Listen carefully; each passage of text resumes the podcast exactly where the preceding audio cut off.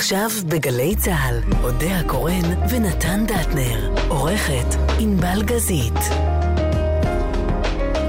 הבית של החיילים, גלי צה"ל.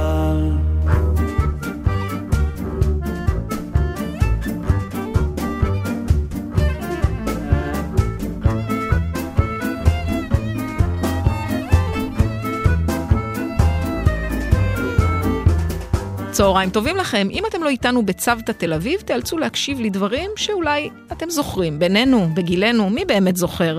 אודיה ונתן ישובו בשבוע הבא עם תוכן טרי טרי. האזנה נעימה.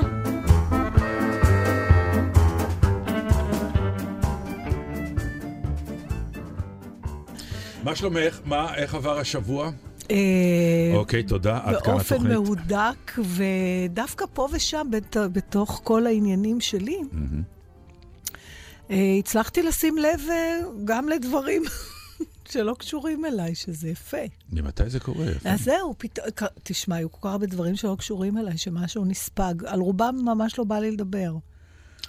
אוקיי, אז... אלא אם כן... לא, לא, זאת פתיחת תוכנית, אני אומר, נכון שאנחנו נורא מעניינים, עכשיו יש לכם חשק לשמוע אותנו בשעה הקרובה? כי אודיה איי, הודיעה, לא. אודיה הודיעה, דרך אגב, זה יפה, אודיה יפה. הודיעה, שהיא לא הולכת לדבר לא, היום על כלום, כי לא מעניין אותה כלום. לא אמרתי שלא מעניין, מה- מה- דברים שכאילו אנחנו אמורים לדבר עליהם. אני אומרת, דווקא בוא נדבר על דברים שאף אחד לא... אז אני אתן לך למשל. דוגמה. או שנוריד את זה כבר מהשולחן. לא, נו, מה יש להוריד מהשולחן? אין מה להוריד. יש עובדות, העובדות אף אחד לא מתווכח עליהן, עכשיו תחליטו. לא, מתווכחים אם זה עובדות. לא, לא, אלה עובדות. טוב. העובדות אף אחד לא אמר בחיים לא קיבלתי סיגרים ולא זה. יש עובדות, הכל נכון. עכשיו, כן פלילי, לא פלילי, זה לא יוריד, זה כן יוריד. זהו, עד כאן הנושא מוצע. אה, חוץ דעתי, כן. מתוספת קטנה, מה? ששוב, המשפט האלמותי של אימא שלי, שאני מאוד מתחברת לכל מי שאומר, זה לא ישמח אותנו וזה לא ישמח אותנו. זאת אומרת, ככה לא טוב וככה לא טוב. עברו הימים הטובים וגם הם היו רעים, כמו שאמר בדיוק, חנוך לוין. לוין. חלפו ימינו הטובים וגם הם היו רעים. זהו. אבל אני יכול להגיד לך שהיה לי היו, השבוע יום אחד מהימים האלה שאני פתאום אמרתי לעצמי, כשזה קרה, אני אשאל אותך אם גם לך זה קורה. כבר יש- אני אומרת לך שכן. וואלה, חשבתי שתגידי לי שלא, אבל זה קורה יום, זה יום שיש יש תקופה שאתה ככה אומר, זה לא טוב לי, וזה מה יהיה איתו, ומה יהיה עם הזה, ומה יהיה עם הזה, ויש יום אחד שאתה קם, ומהבוקר הכל מסתדר. נכון. כל הבעיות, אבל ביום. כלומר, זה כמו, יש איזה, כמו שאת עושה בחפיסת קלפים שאת מערבבת, פרט, יש את הצליל הזה. כן. וזה ככה קרה, כלומר, זה, אתה קם בבוקר, ההוא מסתדר, עוד שעה פתאום גם זה, וזה דברים שונים שלא קשורים אחד לשני. אני גם יודעת מה גורם לזה. ובסוף היום, פרט, זה גורם לזה שאתה מסתכל על זה יום קודם, לפחות אצלי זה ככה, ואני כל כך לא רואה איך אני יוצאת מערימת הפלונטרים הזאת, זה נראה שאני, שאי אפשר, שאני נכון. מרפה. ואז ואז זה. פתאום מסתדר. יכול להיות. הניסיון שלנו להתיר את הקשרים, ויודעת כל אישה שניסתה פעם להתיר ארבע שרשראות שהסתבכו אחת עם השנייה, שכל מה שצריך זה לעזוב אותם ללילה והן נפרדות לבד. זה לפעמים בתוך כן. התיק תכשיטים, זה... כן, כן. אתה מנסה, ואז אתה מושך קצה, וזה מסבך משהו, ובסוף אתה אומר, טוב, זה לא ילך, יאללה, נעזוב את זה, נעזוב את זה. אבל זה לא מה שפותר משהו- את זה. זה לא... אני, מה, עשית הוא- משהו שיפתר? לא, נו. זהו, אני אומר, זה הקסם. זה לא שאני אפילו הנחתי לזה, אמרתי, די, עזוב, זה ייפתר. לא, אני, הייתי לחוץ. ואתה קם בבוקר ויש איזה טלפון אחד שאומר לך משהו, אתה אומר, אוקיי, וואי, הסתדר. כן, נתן, אבל אתה טועה במשפט שאמרת. מה? אתה לא שאמרת, אני, אמרתי, אני ארפה והכל יסתדר. לא. לא, זה לא בא מאופטימיות, זה בא מייאוש. אתה אומר, יאללה, אז אני לא, זה, זה אבוד. ואז זה מסתדר. אה, כן, נכון. אתה מבין? כן, לפעמים אנשים ממעיטים בערך הייאוש בעיניי. תמיד כל ה... תרחיבי, מה, יש תמיד אמירה... מה ערך הייאוש? ערך הייאוש הוא שלפעמים תזוז הצידה ותיתן לקוסמוס לסדר דברים, כמו שאומרת דורית חברתי. מה שזה לא יהיה, אין לי מושג מה זה. אבל הייאוש לפעמים הוא גם נותן לך פסק זמן. הוא נותן uh, לדברים אפשרות גם להסתדר, מסת... גם הדברים לא אוהבים שדוחקים בהם. זה מעניין, כי אני אתן לך אז דוגמה. תמיד אומרים, אל תתייאש, אל כן. תתייאש. אה, אני חושבת שזה טוב מדי פעם להתייאש. זה נכון שאפשר להתייאש גם ברגע האחרון. לא צריך, אתה יודע, אני נגד כאלה שישר מתייאשים, כי אני אומרת, למה להיחפז לייאוש? חכו, אפשר גם בדקה ה-90. אבל לפעמים צריך להתייאש בשביל לנוח קצת. זה מעניין. אני בדיוק עכשיו נתקלתי ב... בסוג הזה של התופעה שאת uh, מדברת, יש איזה משהו שאני אחראי עליו מבחינת לביים איזה אירוע, לא משנה מה. למה שלא ומדובר- תגיד? אני חושבת שזה נורא יפה, וכבר התראיינת על זה.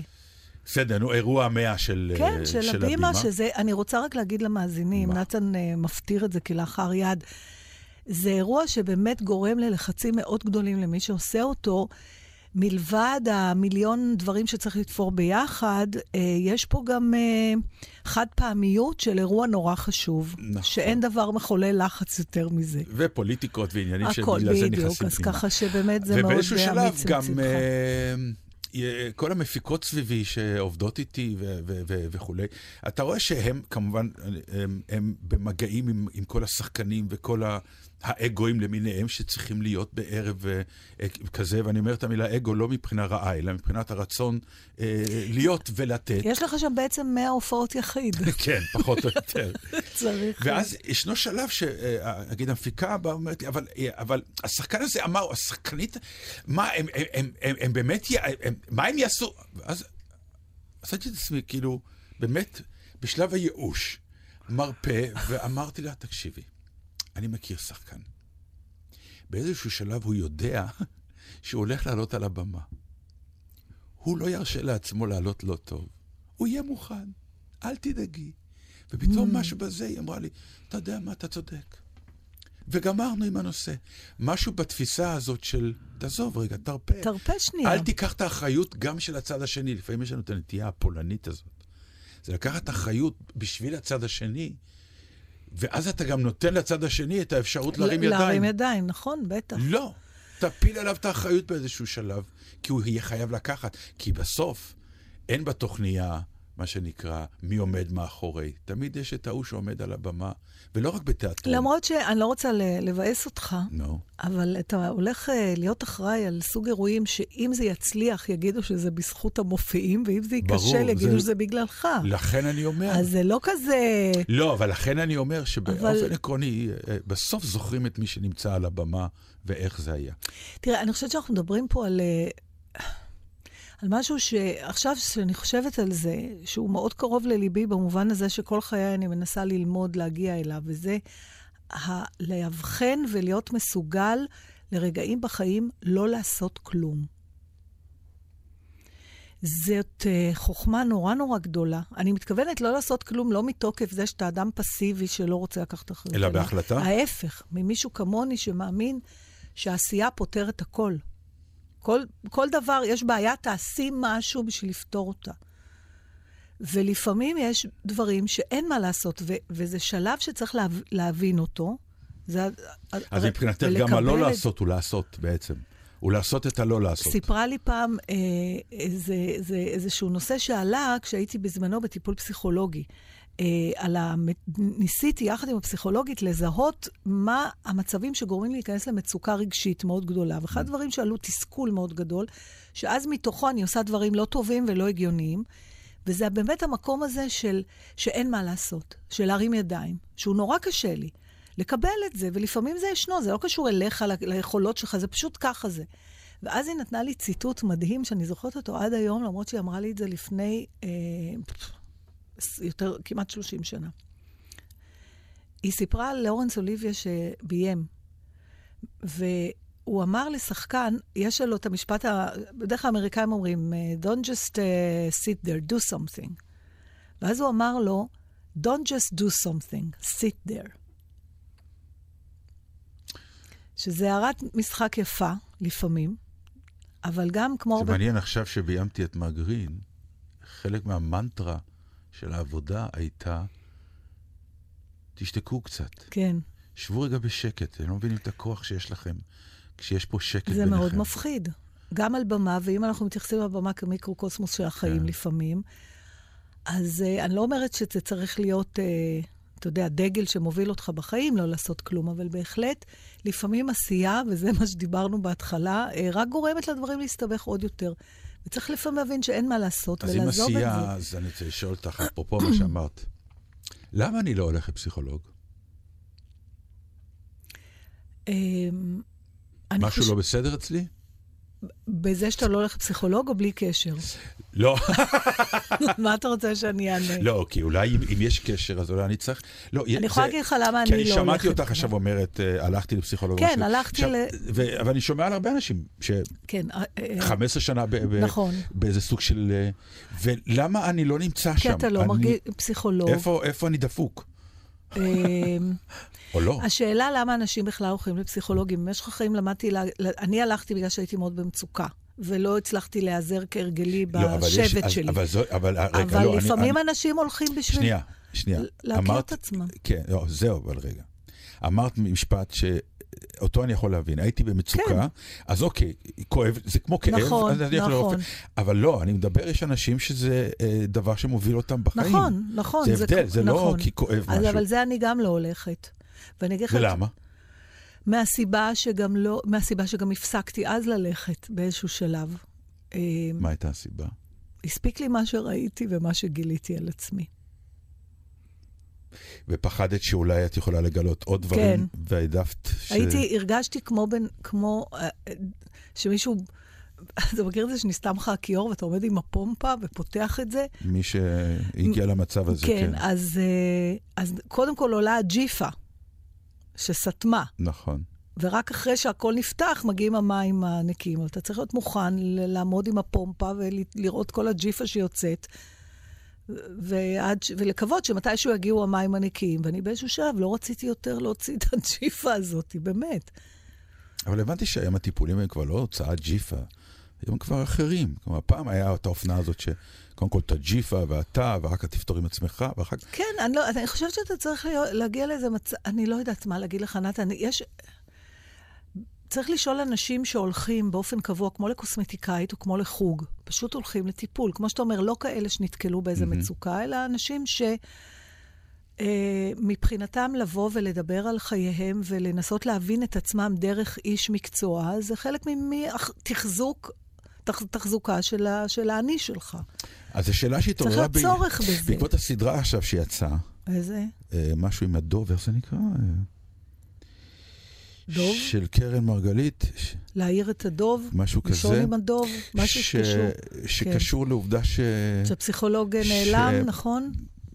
משהו קורה עם הפסיכולוג, ומתגלים הסו קולד היומנים שהוא כתב על המטופלים. אה, זה סיפור של, של מישהי שמטופלת, ואז יום אחד היא מגיעה הבית, מגיע לה הביתה, אה, כל התיעוד של הפגישות שלה עם הפסיכולוג, בהם היא דיברה על דברים נורא נורא אינטימיים, תמלול כן. מאוד שלהם. הכי אינטימיים, כולל... הוא נעלם. בכלל, כן, כן, ואז היא אבל יוצאת עזבי למסע עכשיו את, כזה. ה, את העלילה, אלא על הרעיון באמת שאתה אתה יושב ליד מישהו, כי כאילו אני אומר, אם אני אומר לפסיכולוג את כל הדברים הנסתרים האלה, למה אני לא אומר את הדברים הנסתרים האלה כבר לאנשים עצמם? טוב, בשביל זה הוא פסיכולוג, והוא למד מיליון שנה והרוויח שני שקל במשך אה, 20 שנה האלה, עד שהוא נהיה פסיכולוג שמרוויח הרבה. כי יש להם איזושהי יכולת, זה לא סתם שאתה יושב ומדבר עם חבר, הם יודעים איך להוביל אותך למקום ששם מתחיל הריפוי. הלא... אני חושבת שכשאתה הולך לפסיכולוג, אתה רוצה באיזשהו מקום... אה, קשה לי להאמין שמישהו הולך לפסיכולוג לא בשביל לפתור משהו, אבל אולי אני טועה. אתה מבין מה אני אומרת? זה כמו מה שתלך לרופא משפחה סתם, צריך שתהיה איזה בעיה. אבל אולי אני טועה בגישה. הוא- הוא- הוא אנחנו קצת- שנינו לא כל כך מיומנים בזה, ואנחנו לא, מדברים לגמרי. על משהו שאין לנו... לגמרי לא, אבל כשאנחנו אחר כך כך. אה, יושבים על חומוס או משהו, יש לנו שיחות מאוד פסיכולוגיות אחת לשנייה. אין לנו שיחות פסיכולוגיות. יש לנו שיחת, בעיניי זו שיחה פסיכולוגית, לא, זו שיחה- שיחה חברית. זו שיחה חברית, אבל אנחנו לא מנסים לתקן משהו, אנחנו יכולים לתת עצות. אבל אף אחד מאיתנו, מה עושה הפסיכולוג? לא נותן עצות? אני לא בטוחה שהוא נותן עצות, אני לא בטוחה שזו הגדרה של פסיכולוג. אני חושבת שהוא מנסה לה, לעזור לך. להגיע Mhm, למקום אוקיי. שבגלל המקום הזה באת בכלל לטיפול. הבנתי. אה, ומה הפסיכולוג עושה כלפי עצמו? הבנתי שיש בעיות מאוד גדולות בין פסיכולוגים לבין עצמם. אני לא יודעת, אני שהם יכולה... בטיפול עם עצמם הם ושחרורים. צריכים, הם צריכים. תשמע, זה כנראה משהו חשוב, אני לא יודעת, צריך, אני חושבת שאנחנו מתעניינים בעצמנו באופן אחר. אולי זה העניין. שיר.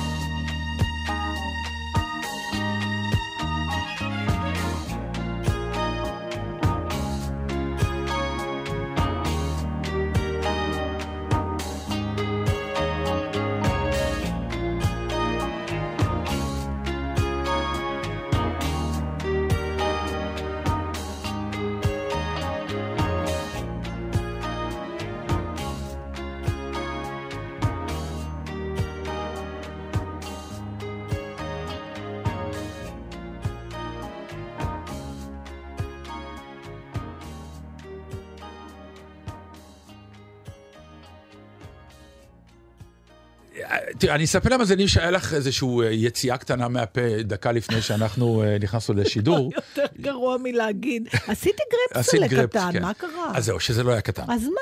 לא, אין אז מה. כשזה גדול, זה לא אז מה. יש לו נוכחות, הלאה. יש לו אמירה, יש לו... יש לו... זה- אתה זה- מייחס לו חש... אה, זה אה, מצד הגאווה שלך. תקשיב, אתה עכשיו, כינסת מסיבת עיתונאים, אני רואה, לכבוד הגרפס הזה, ועכשיו יש תיאוריות, כן. ומי אשם, כן, כי אם ולמה- הגרפס הזה היה בחיפה ולא בירושלים, אז אה, אני לפי חושב... התגובה שלך נראה שהוא היה גם וגם. לא, הגרפס היה בירושלים? וזה הגיע עד חיפה. מה אכפת לך? אני חברה שלך כבר מלא שנים. אז זהו. אתה חבר... על זה אני מדבר. נו, אז מה עכשיו תגיד לי שהמסתורין והאינטימיות, בעיניי לא מסתרים, אני. מרוץ הכי פשוט. כלומר, זה לא מנומס להרביץ גרפס לבן אדם בפנים, אבל לא? יעלה לי. אה, וזה נראה לך תירוץ אה, סביר. אני לא מבינה למה אתה עושה מזה עניין. ואם דברים אחרים יעלו לך? זה הכל יהיה בסדר? הלוא אם גבר היה עושה את זה, אז לא היית אומר לו כלום. לא נכון, דרך כן, אגב, נכון. אני כן אומר. אז אתה נודניק. אף. גבר אחר לא אומר לגבר אחר. זה גם תלוי, את יודעת, יש כזה בקטנה. שאתה לי רואה שום שהוא דבר ניסה בקטנה. להימנע מזה. ושלך היה מה שנקרא, אני פה ונשאר לעולמי עד. הייתי פעם בסופרמרקט באמצע הלילה, בתקופה ששידרנו בלילה, לא יודעת אם כן. אתה זוכר, פעם בכמה זמן היינו שידרנו גומרים... בסופרמרקט? לא, אבל היינו גומרים את השידור בשתיים בלילה. הייתי אומרת לך, אני הולכת לקניות. כן, נכון. היה פשוט עשרה אחוז הנחה במגה, זה לא שכל כך אני... לא, אבל היינו עושים קניות, ויום אחד התעטשתי. ואז עומד לידי אחד, שאתה כבר מבין לפי השעה שזה לא נגיד מישהו mainstreamי, מי כבר עושה קניות באמצע הלילה. או פתאום הוא אומר לי, פעם ראשונה אני רואה אשכנזייה מתעטשת כמו שצריך. אמרתי לו, מה זאת אומרת? הוא אומר, אין, אתם תמיד פתאום, כזה, כל הכבוד. אז חבל שלא שמע אותי, כי אני באמת, זה צרחות. התעטשות שלי, הקניון בפריז. באמת, עכשיו, אני לא יכול למנוע את זה. אני לא יכול. זה צרחות. היה לנו בבית, סליחה מבעלי היקר, אבל הוא, לא, סיפרתי פה שהמסכן שבר חוליה בגב, כן. בסקי וזה, וברוך השם הכל בסדר, אבל היה שלושה חודשים שהוא היה חנות במכוך כזה, זה היה נורא עכשיו, הוא לא יכל כל זעזוע, שיעול וזה, אין, זה... שומעים בבית, זה לא היה נשמע כמו אומר, ילדה אחרת הייתה רצה, מה קרה? אני שומעת כזה, הא! כאלה. יוצא כמו קריאות כאלה. אז שלי דומה לזה, רק עם, אה, עם פיצוץ לפני. תקשיב, הרעשים שהגוף מוציא, שהגוף מוציא, אפשר לעשות קונצרט מזה. ממש, ואתה אומר, אוי, זה נהדר, הפילהרמונית עם מקהלה, ובזמן גסטרו, הם מוציאים... קונצרט כן, לגסטרו. הם מוציאים גרפצים, ופתאום איזה... עכשיו. יש גם... לא זה יהיה- יש כל מיני צורות של יציאות עם, עם סאונדים שונים. אם זה יהיה נטוע, זה גדול. יצירה נכון. לגרפס ותזמורת. כן, אם זה יהיה נטוע בתוך קונטקסט ברור. של אירוע, כן. כמו שתשים ח- חתיכת אה, צואה בתוך מסגרת, תתלה על הקיר, נכון. יגידו אומנות. אה, בבקשה, אה. גיל שוחט, אם אתה מקשיב לנו. תגידי לי. מה? אבל אני מתנצלת אם פגעתי בך, בעיניי זה ה... לא, יש, יש משהו שפתאום, אה, נגיד, כשאת עושה גרפס, זה כל ההוויה שלך משתנה באותה שנייה נכון. וחוזרת חזרה להיות אישה. אבל ברגע של הגרפס, לא נעים. לא יודעת למה זה לא נעים, בעיניי לא, זה מקסים. מקסים? כל גילוי אנושי שאתה מקרין בפניי, או אתה או כל אדם אחר שאני אוהבת, גרפס זה גילוי אנושי? ברור, אז מה זה? גרפס, לא... זה הוצאת גזים נ- לא זה- רצויים נו, מה זה- מהגוף. מה- ומה אנחנו, נתן? ולמה כל ירי- השאר התלבש על הגוף. יריקה היא גם הוצאה. זה אתה יכול להתאפק.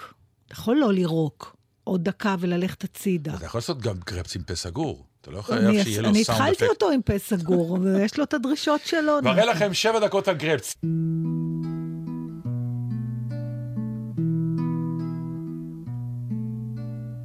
את הזריחה לצמרות נושקת, ובוקר צח זוהר בפחת ענן.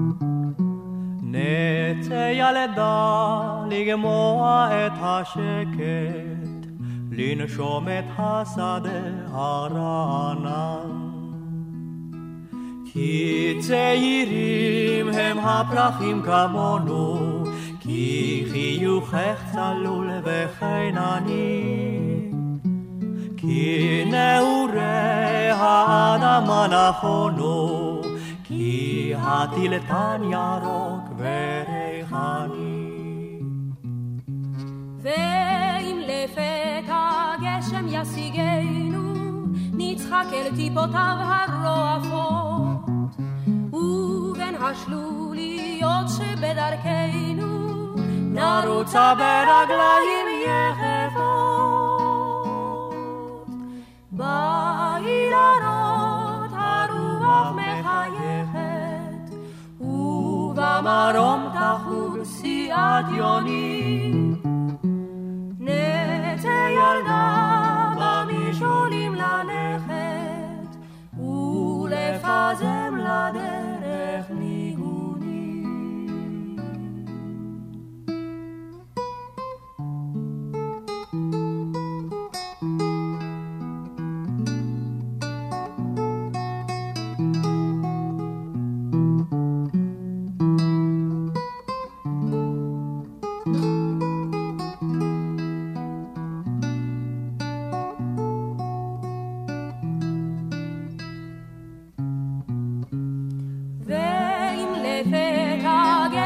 ישיגנו, נצחק אל טיפותיו הרועפות. ובין השלוליות שבדרכנו, נרוצה ברגליים יחפות.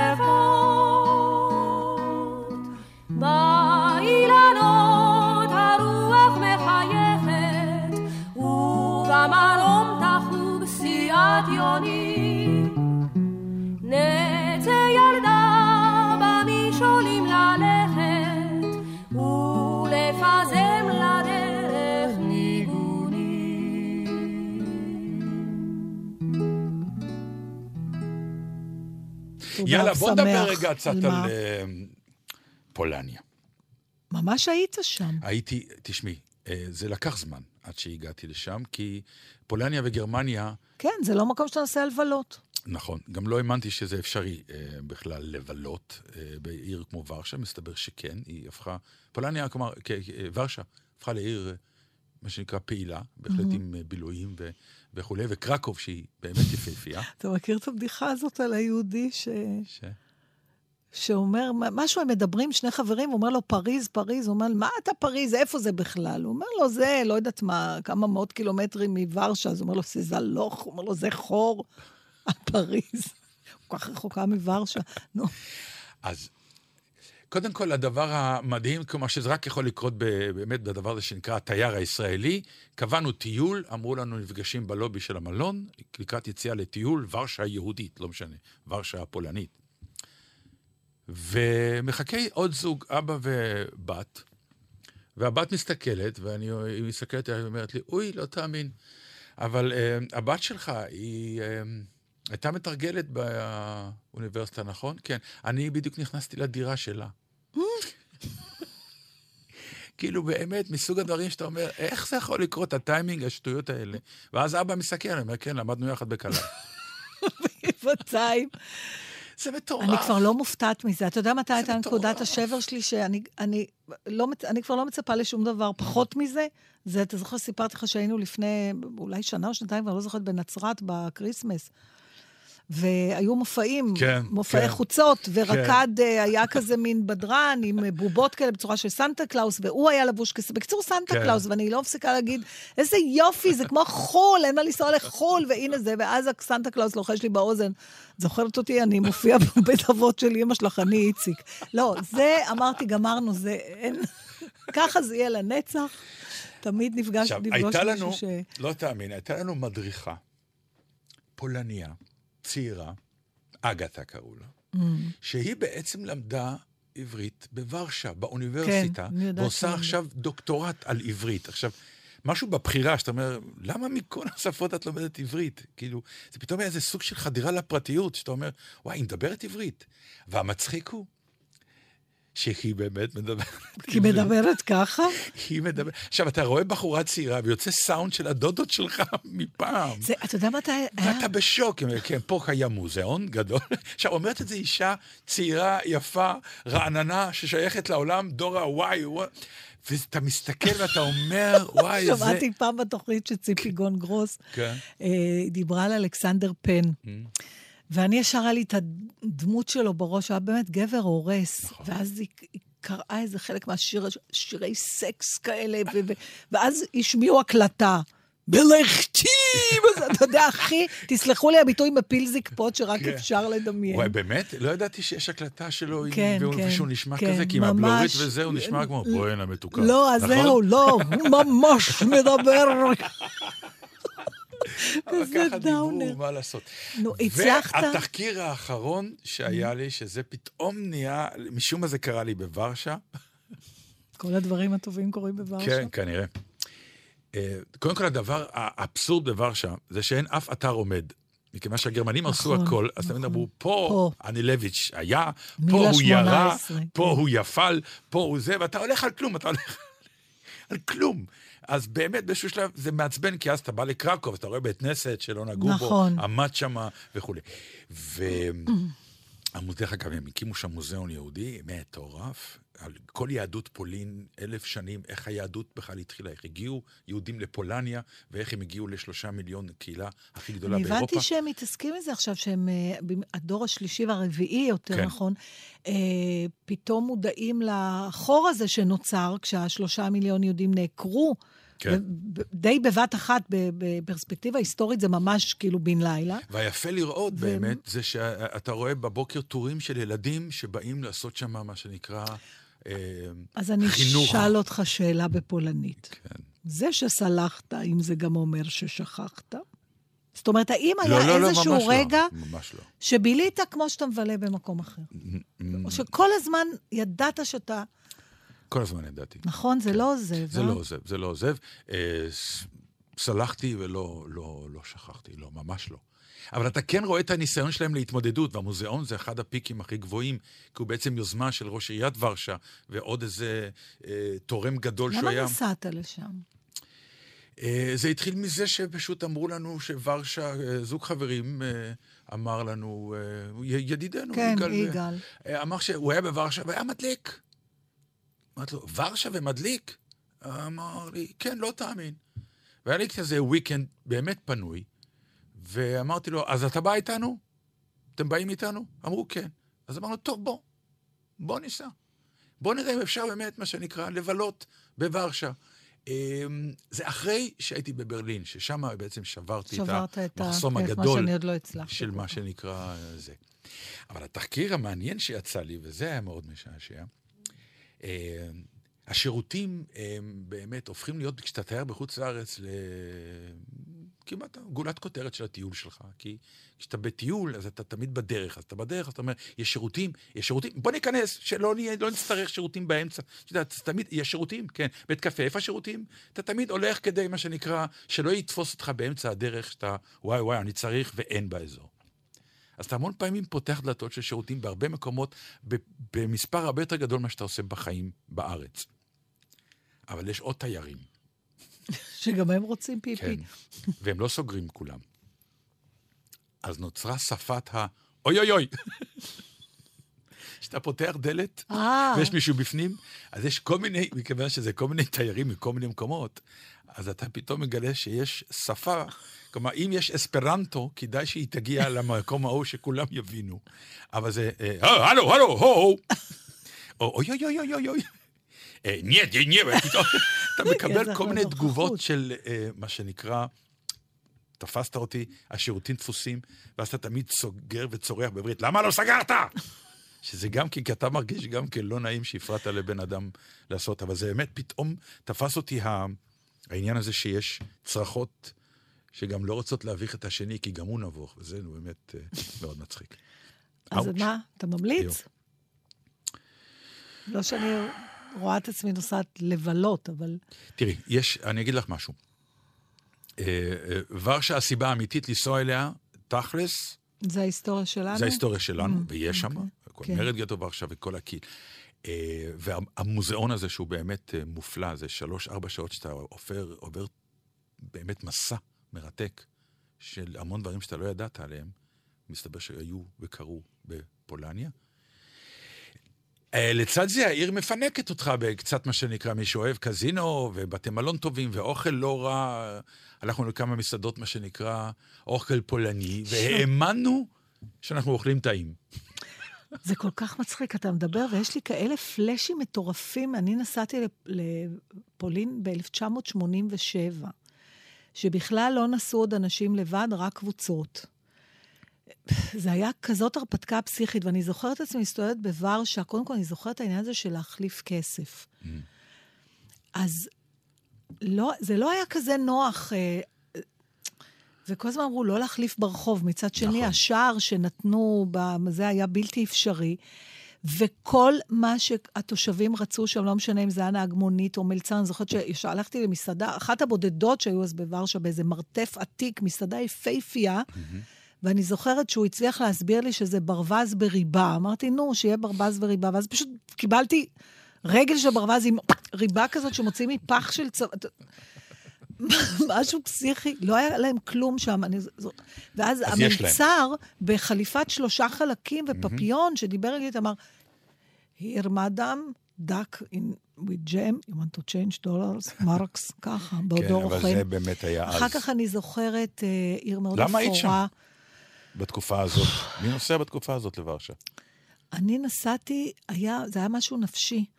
אה, היה, היו לי כמה שנים, בערך מגיל 20, שההתעסקות שלי עם ההיסטוריה המשפחתית וה... אתה יודע, שלי, בתוך הדבר הזה של הדור השני והשואה, הגיע לאיזה קרשנדו שהיה צריך להתפוצץ באיזשהו אופן, ו- וזה נווט לשם. ואני זוכרת שבאופן חריג, אני אף פעם לא אהבתי שאמא שלי באה איתי לשום מקום, אבל כן ניסיתי לשדל אותה לבוא איתי, והיא בשום אופן חזרה, זה בית, בית קברות אחד גדול, בית קברות, כן. וגם הייתה נורא בלחץ שאני נוסעת לשם. אה, אבל נסעתי, וזו הייתה הרפתקה פסיכית לגמרי. אה, ורשה הייתה עיר אפורה. אני זוכרת שנכנסתי לסופר, היה סופר ולא היה שום דבר על המדפים, זה היה ממש משהו סובייטי נורא. נו, מה לעשות, היא הייתה אה, סובייטית. אבל זה היה כבר אה, שלהי, נכון. דקה אחרי שהם 87? נפתחו, אבל אתה לא מכיר, אתה בא, אני זוכרת במטוס שיצאתי משם כבר, ואני לא אכנס עכשיו לפירוט של כל ה...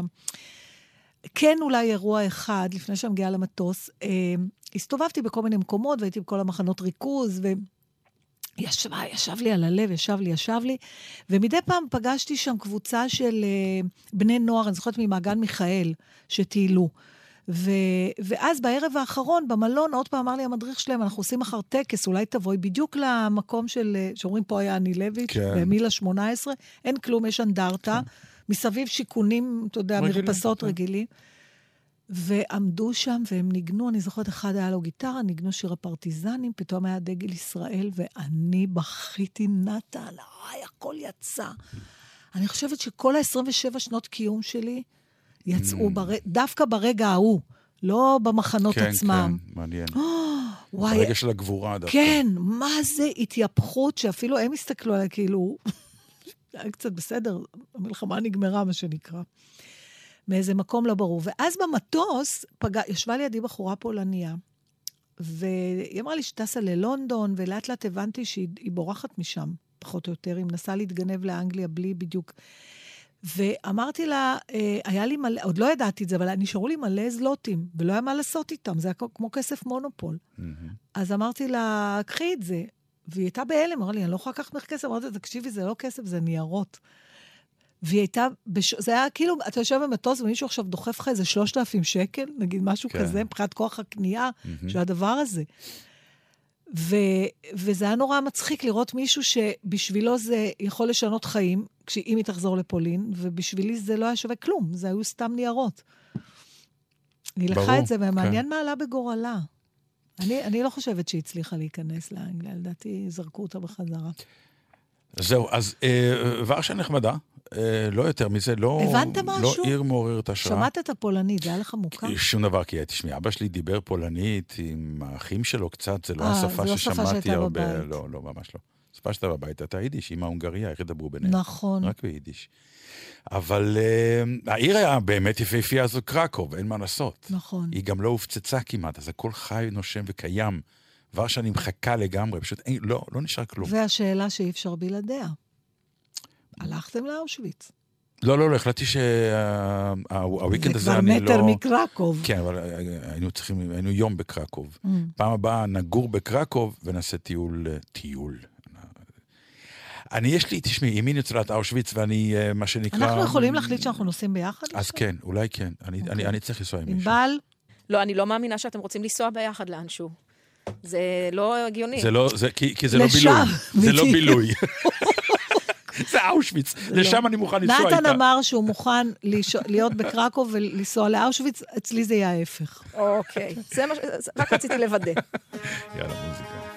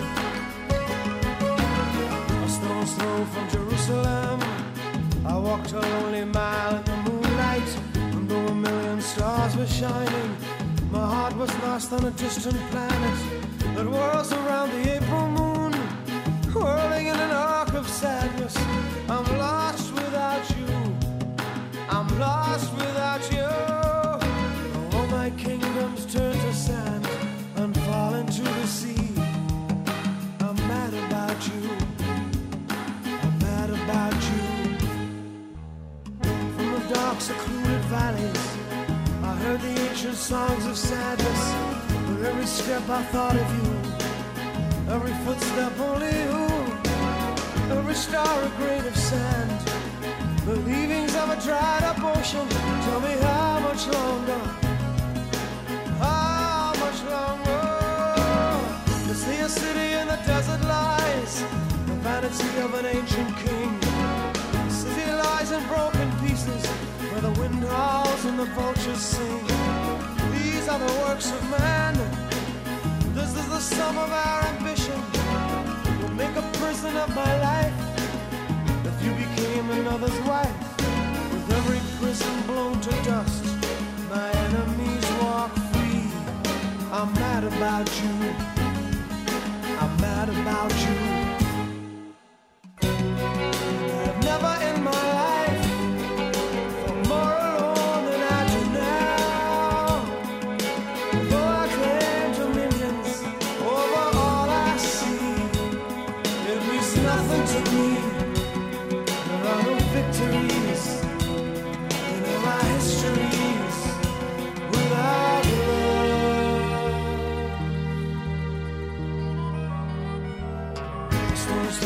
Jerusalem.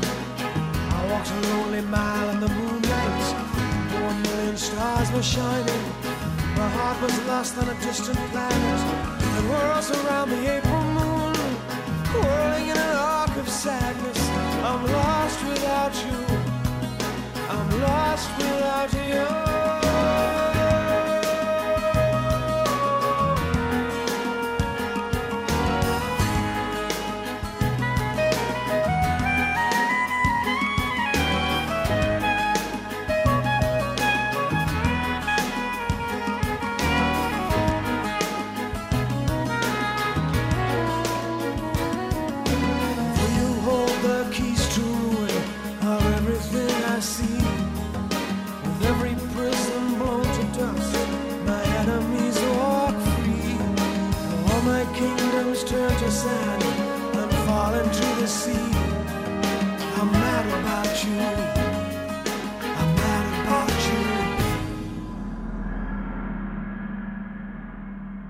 בסדר, הייתה פה שיחה, וחבל שהשיר לא יותר ארוך. אמ, אה, סליחה, ואחרי זה אתם מתלוננים שאני משמיעה מוזיקה במקום שתדברו.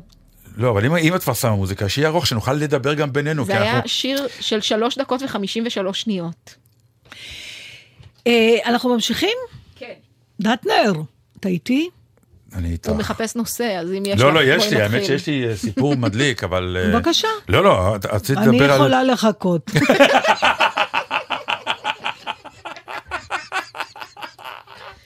איי, זה כל כך נכון.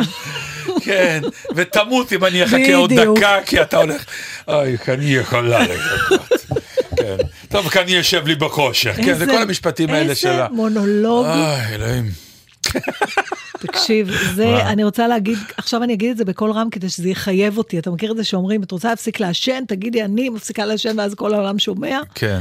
אני מתחילה לעבוד על מופע היחיד השלישי שלי. באמת? כן, עכשיו הכרזתי. למה? ככה, כי צריך.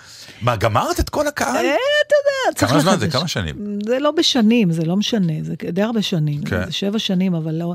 לא, לא, למה? ואני, אחד הדברים שאני אתעסק איתו, כן. זה העולם השלם שיש מאחורי המשפטים האלה. כי את כל המשפטים הפולניים האלה אומרים... אה, זה בדיחות, זה סלוגנים, יש placemats כאלה, יש חנות נפלאה שנקראת כן. הפולניה שם. אה, נפלא, כן. מלא מתנות שם, אבל זה נשאר בגדר, בגובה של המשווים, ואף אחד לא מבין. איזה עולם מלא מנומק, ודרך אגב, עם השנים מגלה גם שהוא צודק. יש מאחורי המשפטים האלה. ואולי זה יוביל אותי דווקא. לנושא שרציתי לדבר איתך. אה, יש, אה, ראיתי את זה בטד, נדמה לי, או איזה גברת בשם דוקטור ברנה בראון, משהו כזה. היא מספרת שהיא הייתה פחות או יותר במטבח, בבוקר הכינה לעצמה כוס קפה, שני, ואז נפלה לה הכוס, משהו כזה, והקפה נשפך, והמשפט הראשון שיצא לה מהפה זה, damn you, סטיב. לך לעזאזל, סטיב, שזה בעלה, אנחנו אה, מבינים זה בעלה? בהמשך. כן. עכשיו, סטיב לא נמצא כשהקפה נשפך. מה, אז למה זה יצא לה? והיא התחילה, אז בגלל שהיא, אני לא יודעת אפילו מה היא פסיכולוגית או מה שזה לא יהיה, היא התחילה לנסות לחשוב למה הדבר הראשון שקרה, שנפל לה הקפה, קיללה את בעלה. וקיללה את בעלה, או מישהו. עכשיו, היא התחילה לשחזר, ואז היא הבינה מה גרם לה לכעוס עליו. מה? אה, הוא חזר מאוחר, היא לא נרדמה עד שהוא לא חזר, ולכן היא התעוררה מאוחר, כי כשהיא הולכת היא יכולה לישון מאוחר, ולכן היא, היא שתתה את הכוס קפה השנייה שלה, שבדרך כלל היא לא שותה באותו בוקר, מאוחר כי הייתה עייפה, וזה מה שהוביל אותה לכל כלומר, הוא היה בעצם אשם לזה שזה נפל. יפה. ואז כל ההרצאה הקטנה הזאת שלה, כמובן, ברור לך שהבאתי את הנושא הזה, כי גיליתי שאני בדיוק כזאת. מה, את מקללת אותי כשנופל לך כוס לא אה, רק אותך. קפה? כמה מהר אנחנו הולכים למקום הזה, ש... שכשמשהו רע קורה, הדבר הראשון שאתה רוצה לדעת זה אשמת מי זה. דבר ראשון. ולפעמים אתה מפנה את זה, אתה, אתה, בגלל שאתה לא יודע מי אשם, הרבה פעמים אתה אומר, אז אוקיי, שאני כבר אהיה אשם, העיקר שיהיה אשם. והיא מדברת על למה זה. עכשיו, הם במחקרים שהם עשו, זה נותן לנו מין חזות כזאת של שליטה. כי אשמה זה שחרור של חוסר נוחות וכאב, וזה הפוך מנטילת אחריות. כי כשאתה לוקח, נטילת אחריות, היא אומרת, זה תהליך פגיע. אף פעם לא חשבתי על זה במובן הזה. נגיד, יש משהו בינינו לא, לא תקין, mm-hmm. אוקיי? עכשיו, נניח שאני אחראית לו. אז נטילת אחריות זה אומר שאני מתקשרת, או נגיד, אני חושבת שאתה פגעת בי. אם אני מאשימה אותך, אין דיאלוג. אם אני מתקשרת אליך ואני אומרת לך, הרגשות שלי נפגעו, בוא נדבר על זה, בלי להאשים אותך, בלי להגיד, אתה היית חרא כי פגעת בי, אז אני, אני, אני בעצם שמה אותי במצב פגיע, אבל, ורובנו לא רוצים לעשות את זה. עדיף לנו להאשים מישהו, מאשר לקחת האחריות על המשך הדיאלוג. יפה. ושהיא אומרת שהאשמה זה פשוט דרך שאנחנו משחררים כעס, בסופו של דבר. אתה כועס, אז קודם כל אתה מאשים. אה, אז זהו, אז במערכות יחסים כמובן זה הרסני במיוחד, כי אתה לא באמת מקשיב לסיפור, אלא אתה הכי מהר מנסה להבין מי אשם, כדי... כי אז אפשר להמשיך הלאה. עכשיו, לא נעים לי להגיד לך, אה, בזהירות. לא, אני, אני, אני, יש לי נטייה לזה, אני חושבת, אז עניין אותי אם גם לך יש נטייה לזה. אה, אני אגיד לך דבר הפוך קצת, לי יש נטייה לרוב להאשים את עצמי בהתחלה. אה, למעט רגעים שלמשל, כמה שנים לקח לי אה, לגרום לסמדר לצאת לאירוע בזמן. נגיד הצגה, כן, שזה ברור שהיא צריכה להתחיל בשמונה וחצי, כן. ולסמדר הייתה את הנטייה הישראלית הזאת, אה, שמונה וחצי, נצא בשמונה, ונגיע בשמונה וחצי. ונראה הצגה. למה- שמונה זה נורא מוקדם? למה לא שמונה ועשרים? לא, בוא נגיד, היא הבינה שצריך לנסוע עם האוטו באיזשהו... קריאתו של כן. ו- כבר שמונה ועשרים. עכשיו, אה, אני יודע שזו קריאה שכמעט נמצאת בכל, אה, בכל בית אה, בישראל, שהגבר מוכן עם המפתחות עם האוטו והאישה עוד לא. זה מיתוס ידוע. ואז הנסיעה היא בעצבים. מה זה בעצבים? בעצבים שכמובן יש אשמה אחת לעצבים האלה, ו... ואז אני גם נוהג לא בסדר. כלומר, בטח שבנהיגה שלי אני אשם, אבל אני לא אאשים את עצמי. מי אשם בנהיגה הלא בסדר שלי? את אשמה. כי אם היית מוכנה בזמן, הייתי נוהג יותר ברוגע. אבל במקרה הזה, אני חייבת להגיד שזה... יש קשר בין הדברים. כמו שיש זה- קשר בין הגבר שהגיע מאוחר לא, והיא... לא. בוודאי שיש. לא, כי מה שהפריע... היא בעצם בסיפור הזה, היא הייתה צריכה להגיד לו, אני, זה, אני מבקשת שאתה לא תאחר כי אני דואגת. כי אני קשה לי להירדם. תודיע לי אם אתה בא מאוחר. על זה בדיוק היא מדברת. זה אומר לקחת אחריות עליי. לא להגיד, בגלל שאתה הגעת מאוחר ואני לא נרדמתי, זה שאת דואגת ולא נרדמת, זה לא בעיה שלו. או-אה, אוקיי, אתה הבנתי. מבין? עכשיו, אתה יכול להגיד, אנחנו זוג, לי יש את הבעיה הזאת, בוא בבקשה, תתחשב בה, ואל תשאיר אותי, כי אני לא יכולה להתמודד עם הדאגנות שלו.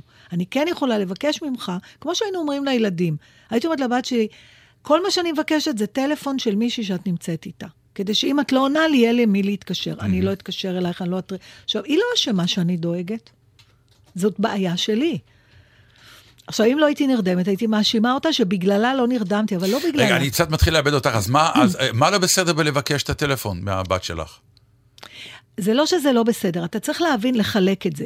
זה שאני דואגת לה, זאת בעיה שלי, לא שלה. בוא נתחיל מזה. אוקיי, בסדר. כי אני זאת עם. הדאגה. בסדר, נו. יפה. עכשיו, אני יכולה למה היא לא יכולה להבין את זה? היא יכולה להבין את זה, אם... אבל מה קורה כשהיא לא נותנת לי את הטלפון, או למה כמו שבעלה... תיתן? כמו שבעלה פתאום הגיע מאוחר. לא, זה פתאום הגיע מאוחר. כן, פה זה- היא מדברת- אז זה, זה הכל, אנחנו עסוקים בדוגמאות כנראה מאוד לא נכונות, כי גם הדוגמה שאת נתת, היא מאוד פשוטה, עסוקים, היא לא נכונה כנראה. נגיד שזה היה מקרה מסוים שביקשתי, בסדר? בשביל לא להפוך את זה למשהו. את נוסעת, תני... מה שאני מנסה להגיד לך, שהרבה פעמים אנחנו מאשימים מישהו על משהו רע שקרה לנו, אני חושבת שעל זה היא מדברת, אלא אם כן לא הבנתי את זה. טוב, אתה, אוקיי. עכשיו, אני- אתה מאשים את סמדר... לא, שאתה אבל זה- זה- זה לא סיפור אחר אם כך. לא זה. זה אבל, משהו אחר, אבל ש- אם... אתה יודע, אין לי כרגע, סתם על הבמה, למשל, פרטנר שלך עושה משהו לא, שאתה לא, שאני לא אוהב, נו. לא אוהב, או שהוא לא עשה עד היום. כתוצאה מזה, אתה מאבד ריכוז. נכון. ואתה שוכח טקסט, זה קרה, ואתה מאשים אותו. ברור. אוקיי, אז על זה היא מדברת. זאת אומרת, למה אתה מאשים אותו? כי הוא אשם. למה הוא אשם? כי הוא עשה משהו לא נכון. הוא עשה את שלו. נכון. אז במקום להאשים אותו, היא מציעה לך לבוא? אחר כך כן, ולהגיד, תשמע, עשית את זה ואת זה, ואז זה... גרם לי לכך וכך. אם אתה יכול בבקשה לא לעשות את זה, עוד פעם, מותר לו לעשות את זה. אה, זה כל להאשים- המסקנה הזאת? לא, אני לא חושב שזה אתה, אתה לא משהו מבין מה לא... אני אומרת. אתה ישר מאשים אותו, היא מציעה דרך לא להאשים. אבל מה אני מרוויח ולא להאשים? אני לא הבנתי אתה את מרוויח- הרווח. אתה מר... נגיד שאני לא אאשים אותו, אז מה יצא לי מזה? יצא לך מזה שאני אהיה נחמד ואני אגיד לו, שאתה "תשמע." תבקש ממנו לקחת אחריות על המעשים שלו, אבל אתה גם צריך להבין שזה זכותו לא לקחת את זה. לא ישר להאשים מישהו. אתה לא סליחה, מבין הוא מה זה אשם, לא... אני מאשים אותו. סליחה, לא מכיר את ה... לא... בקיצור, השאלה אוקיי. שלי בתחילת האייפטם, האם רציתי לדעת אם גם אצלך זה ככה? אז לא. גם אצלך זה ככה. אז לא. מי שזכר או זכרה את אחד הסיפורים השבוע, מוזמנים להתמרמר בעמוד הפייסבוק שלנו, בטלים בשישי בגל"צ. אודיה ונתן יעשו קאמבק מרגש בשבוע הבא, עד אז שתהיה לכולנו שבת שלום, והמשך האזנה נעימה.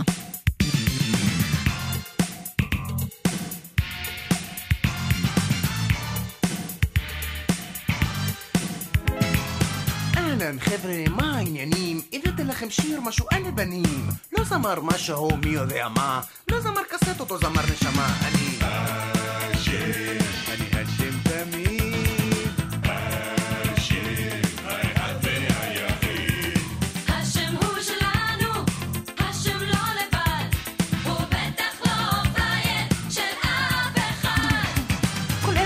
בתשע אחרי החדשות יושב אני בבית וחושב מה לעשות? דופק איזה אמבטיה, גילוח ויבן קונה קופסה סיגריות, אני לא מעשן אומר לבעל בית סלמת כל טוב הופ אני בדיזנגוף שיער רטוב לוקח את האופניים, הולך לאסוף אנו אבי אחמד מחכים לי ברחוב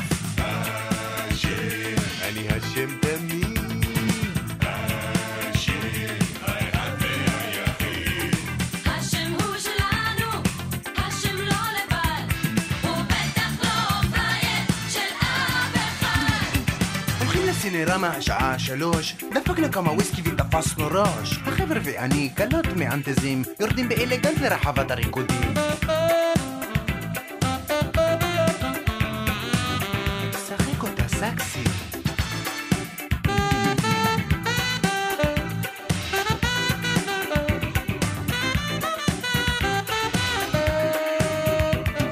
רוקדת בחורה עם שערות לגלוש, הרבה על הידיים ומעט על הראש, היא שואלת בבי, תן לי, מה שמך?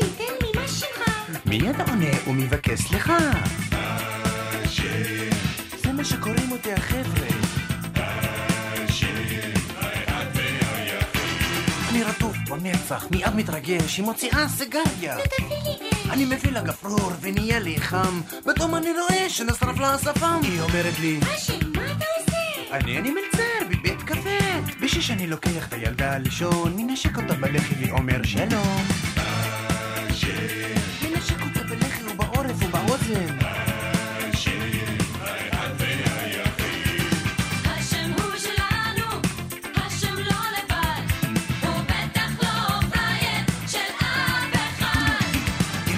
באוזן. ניפגש מחר, אבי המואזין ואימי המוכתר. אני נכנס לדיכאון ונהיה מאוחר. איך אנחנו שנינו מאותו הכפר? רציתי בחורה עם ערכים ברורים, ומצאתי את נחמה ממי השערים. אני משגיח כשרות, לומד בישיבה. כן, השם ידידנו חזר בתשובה. אני רב השם תמיד, ואלוהים גדול, ואם ירצה השם אז הוא הכל יכול. אלוהינו ביותר ואני לא לבד, אלוהינו לא פראייר של אף אחד.